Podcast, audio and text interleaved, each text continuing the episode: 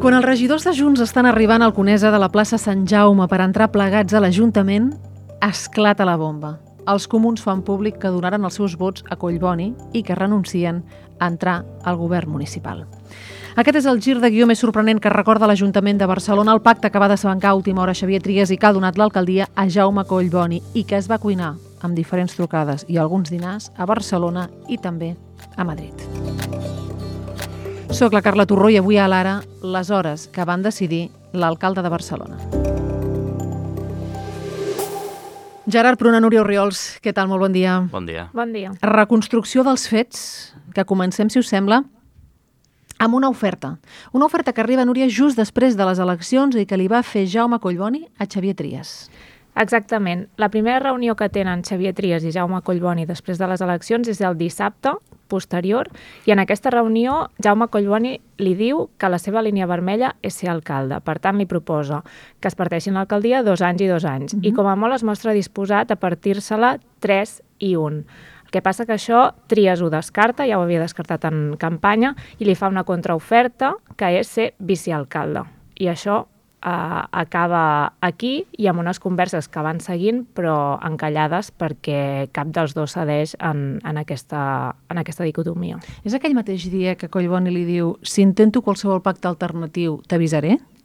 No sé si és concretament aquest mateix dia, però sí que eh, el que li trasllada és que si hi ha qualsevol pacte que no té a veure amb Junts, li traslladaran una trucada. I és el mateix que li diu també Daniel Cirera del PP. Ves a partir d'aquí quan s'activa a la pressió a Madrid, Gerard. Pressió primer cap a Esquerra Republicana i després activant la via PP. Sí, o sigui, hem de recordar que sortim d'un mapa del 28M en el que el PSOE i els socialistes no els hi ha anat bé i Barcelona és com l'única gran ciutat gairebé on tenen alguna cosa a fer. Per tant, mm -hmm. tot se centra aquí. I s'intenta per dues vies, com tu deies. És a dir, primer, intentant pressionar Esquerra per un pacte d'esquerres, un pacte PSC Comuns a eh, ERC, i després, en el moment que aquesta via queda cegada perquè Esquerra no vol participar-hi, es comença a fer una campanya, que al final serà efectiva, sobre el PP de dir vosaltres heu de triar si voleu donar-li l'alcaldia al partit de Carles Puigdemont o a nosaltres. Això es fa activant altaveus editorials... Mm. Això es fa amb tota la maquinària que sempre hi ha a l'abast dels partits a, a l'Estat, que és tota la pressió mediàtica, tota la pressió editorials, tota la pressió... Mm. Sí, aquells dies es poden sentir a diversos mitjans i alguns de molt importants eh, missatges en aquesta línia. Paral·lelament, perquè aquí això evidentment està no, eh, avançant en diferents eh, direccions i en diferents camins, mentre s'està treballant per aquest pacte en què entraria el Partit Popular, aquí s'està avançant en les converses Tries Maragall, en un pacte Junts-Esquerra a l'Ajuntament. Sí, des d'un primer moment Trias diu que vol pactar amb Esquerra i amb el PSC uh -huh. i per mhm. tant activa les converses uh, en paral·lel, malgrat que els dos s'exclouen dins del govern. Igualment activa les dues vies, amb el PSC no avança per la qüestió de l'alcaldia, però amb Esquerra sí que avança i a més a més amb una certa sorpresa que hi ha una molt bona sintonia entre Xavier Trias i Ernest Maragall i com d'entrada Trias volia el PSC, sí que és veritat que s'entén molt bé amb el que és el grup que porta a Esquerra Barcelona. I van avançant fins al punt de tancar un, un acord que fins i tot el mateix dissabte ratifiquen les mm. bases dels dos partits. Vull dir que estava tot decidit, s'havien repartit quines eren les regidories, com mm. es repartien els districtes, no? Mm -hmm. Exacte, i hi havia una distribució del, del govern i amb un tàndem, Trias Maragall, que avui mateix eh, Trias en l'entrevista de, de RAC1 ha dit que tenia molt bona sintonia amb ell i que volia governar uh, finalment amb Esquerra. És clau això, és clau aquest pacte i és clau que aquest pacte sortís a la llum. Sí, sorprenentment, eh, la, la possibilitat d'arribar a un acord amb Esquerra que li doni una majoria més estable, tot i que no decisiva, uh -huh. eh, acabarà sent la, la llosa final de, de Xavier Trias, perquè és precisament les primeres notícies que apareixen sobre el, sobre aquesta, sobre aquesta entesa independentista, per dir-ho d'alguna manera, que reactiva eh, la, la possibilitat d'un acord alternatiu, sobretot perquè afegeix molta pressió en el PP ja. i per una cosa que analitzarem després també, però que és que canvia l'escenari eh, pels comuns. Aquí hem de tenir en compte diferents coses que passen a continuació. El primer és un dinar, el primer, din el primer, el primer i únic dinar que hi ha hagut entre Xavier Trias i Daniel Cirera. No és ben bé l'únic, o sigui, Daniel Cirera i, i Trias es veuen diverses vegades en tota la negociació. Uh, i té converses amb tothom, ell ho explica diverses vegades, exceptuant Vox, uh, i va veient, i va veient amb tothom. Amb Colau menys, perquè sap que, Mhm, no hi ha... que no hi ha res a fer. Però amb Cirera s'hi veu sovint.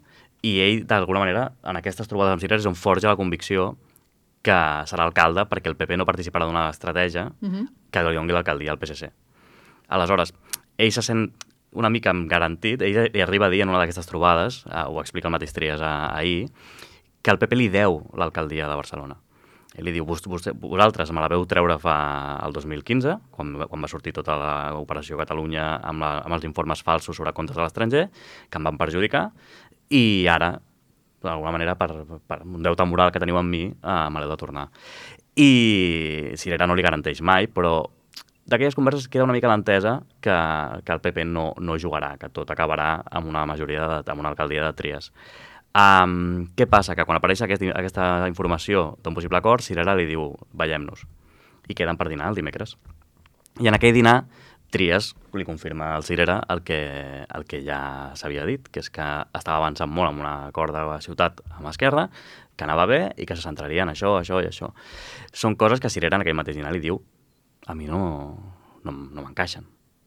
Però surten d'allà sense una decisió definitiva. O sigui, sí que comença a haver-hi una mica de ronrona junts. Sí, en aquest dinar, precisament, el, el dimecres, és quan a Junts veuen que el PP no li fa gens de gràcia que s'estigui avançant en, en aquest acord eh, amb Esquerra, però no tenen la garantia que el PP, evidentment, farà una, un pacte amb, on hi participin el PSC i els comuns, Clar. sinó més aviat continuen estant eh, tranquils que, malgrat tot, tindran alcaldia.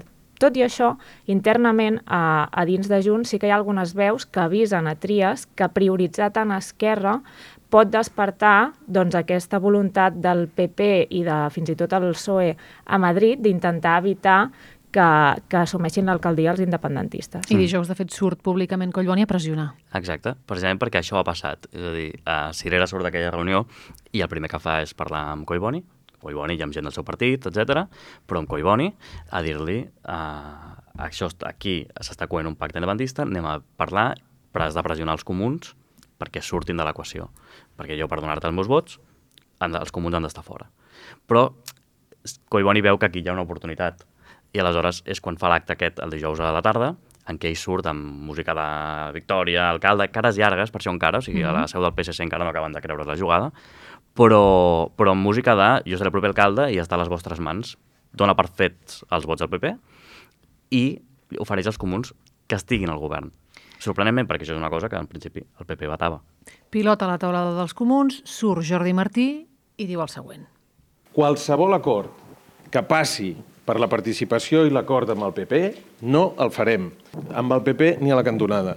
I motius ens en sobren, però és que d'ençà del 28 de maig, veient i obrint els diaris cada dia i veient el que estan fent, aquesta generositat amb la que estan pactant amb Vox arreu del territori espanyol encara ens, ens certifica més una posició que la teníem des del primer dia i que no l'hem canviat ni una coma. Declaracions contundents de Jordi Martí, però el PP va suavitzant les seves peticions, ja no fa falta que els comuns no estiguin al govern, sinó només que surti de l'equació de Colau, i en aquest escenari divendres hi ha una altra trobada importantíssima entre Collboni i Colau. Mm. Sí, Jordi Martí, és veritat que el posicionament que ell defensa dijous és encara el posicionament de, dels comuns. Uh, la situació canvia divendres, hi ha una trucada de Jaume Collboni a, a de Colau per dir-li veiem-nos, i hi ha una reunió molt discreta de la qual no, no transcendeixen detalls, bueno, no transcendeix ni tan sols la, la cita, uh, i a partir d'aquí ell li ofereix, en aquella reunió, a la, a la de Colau li diu uh, si vols, pots entrar al govern amb mi. Fins i tot ell creu que el PP a última hora acabarà donant-li els vots encara que hi hagi la Colau a dins. O sigui, està molt confiat de les opcions de que el PP acabi pesant-li massa el pacte independentista. Cirera, en aquell moment encara no s'ha mogut, però divendres, el, el divendres al matí, perdoneu, ha fet una, una carta a Collboni en què li diu uh, en què li ve a dir si no hi ha Colau, però si els comuns podria transi- transigir. Collboni tot i això manté Colau. Però en aquella reunió Colau surt dient no, no vull formar part del govern amb tu. Però alguna cosa està canviant, perquè en el moment en què l'acord Esquerra-Junts s'ha fet real, els comuns comencen a veure que es queden sense marge de maniobra en, aquesta, en aquest mandat. Clar.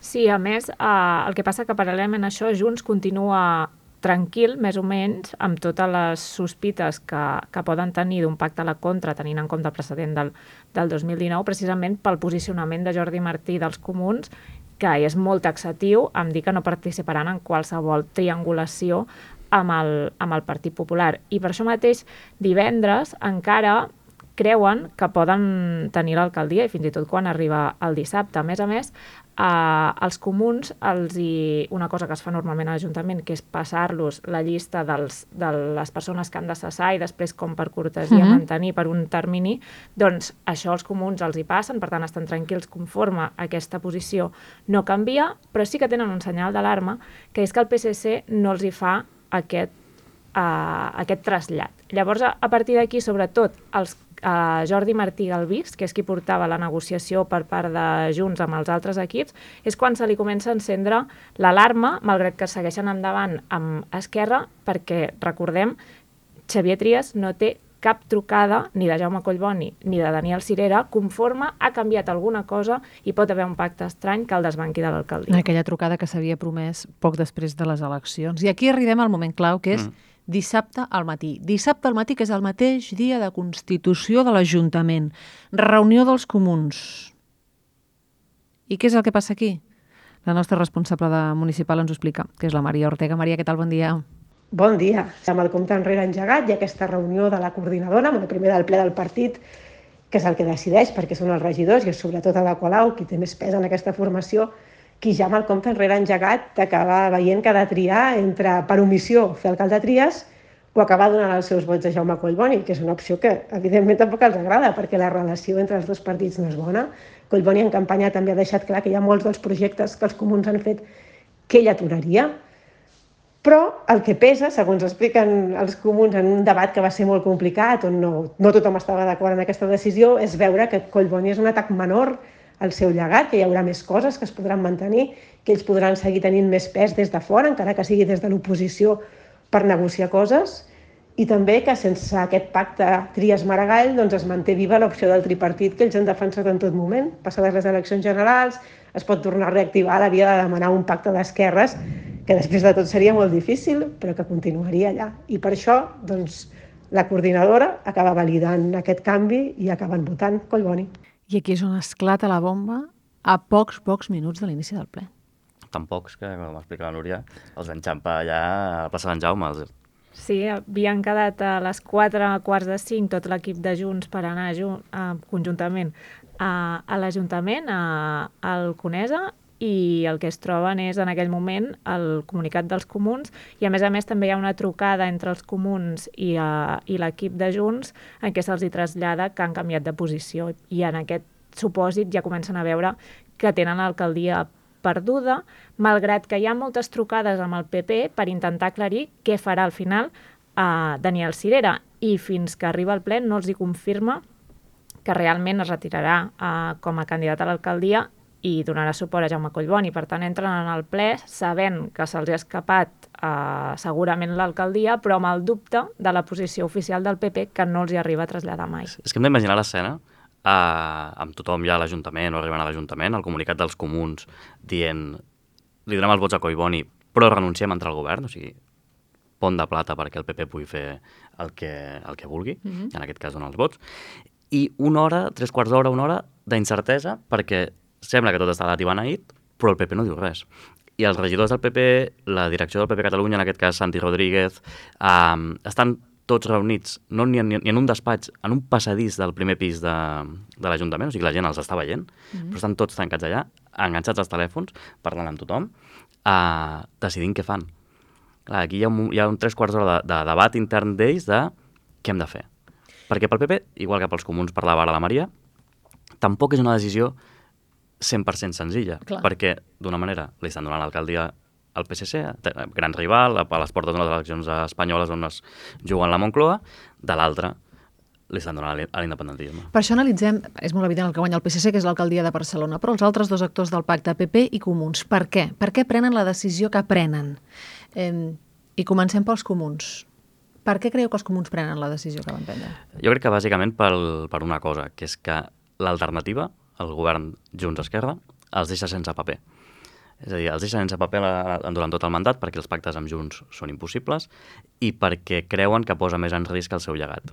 En canvi, donant la, un govern en minoria, amb molta minoria, a Collboni, ells tenen molt paper en els propers quatre anys. Ja sigui intentant reconstruir aquesta majoria d'esquerres o com a mínim podent negociar, podent intentar que el seu llegat eh, es toqui menys projectes importants per ells. Partit Popular.